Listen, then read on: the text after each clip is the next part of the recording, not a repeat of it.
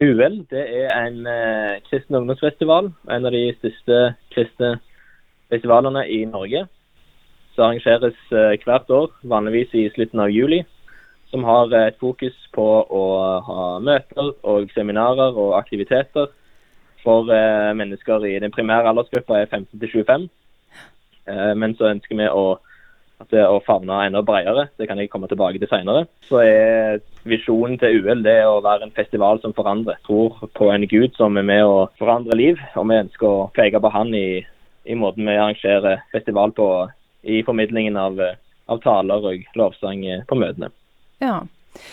Du, Naturlig nok har denne festivalen også måttet tenke litt annerledes i et par år nå pga. korona. Og du var med på dette arrangementet forrige uke, Martin Augestad. Hvordan var UL 2021?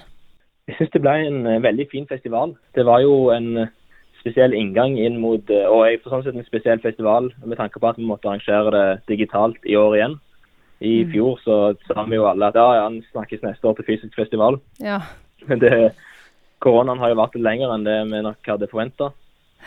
Så det var ganske spesielt å være der uten publikum, men samtidig så syns jeg det ja, som sagt ble en veldig fin festival.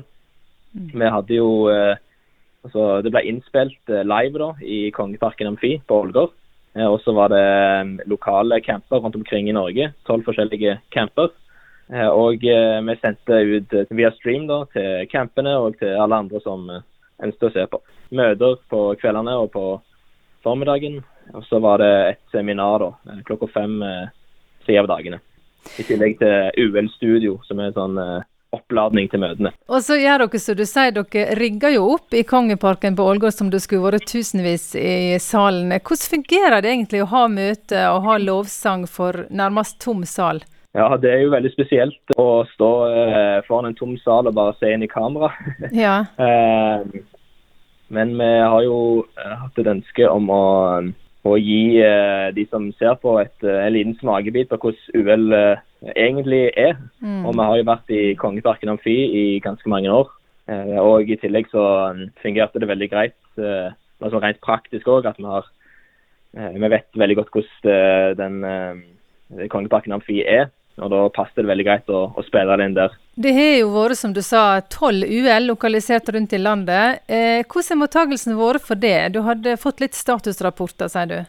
Ja, vi har fått noen statusrapporter eh, underveis. Og det har vært eh, veldig mange positive tilbakemeldinger fra de som har vært på campene. Mm. Vi har jo hatt eh, både sånn vanlige camper, så har vi også hatt noe som vi har kalt UL pluss.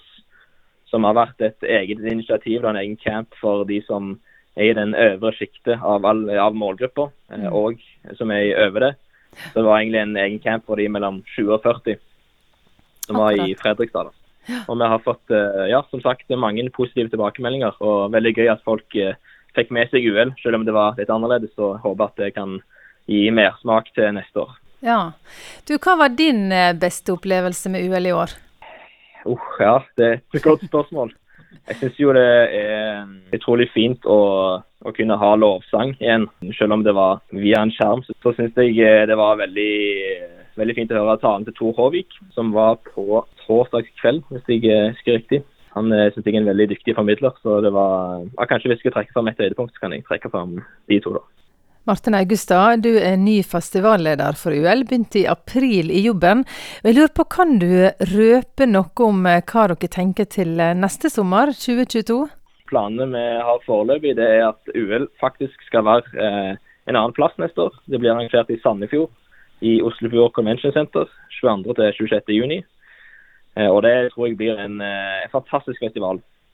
Oslofjord Convention Center er det siste konferansesenteret i Norge og byr på uh, utallige muligheter når det kommer til overnatting og når det kommer til aktiviteter og uh, møtelokaler. Som er veldig optimistiske med tanke på hva muligheter det gir.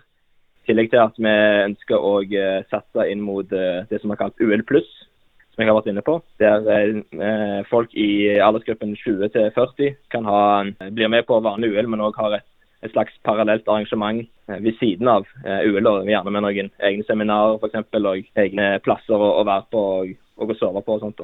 Ja. Så vi håper på å eh, kunne levere en, en veldig god festival som forandrer òg neste år.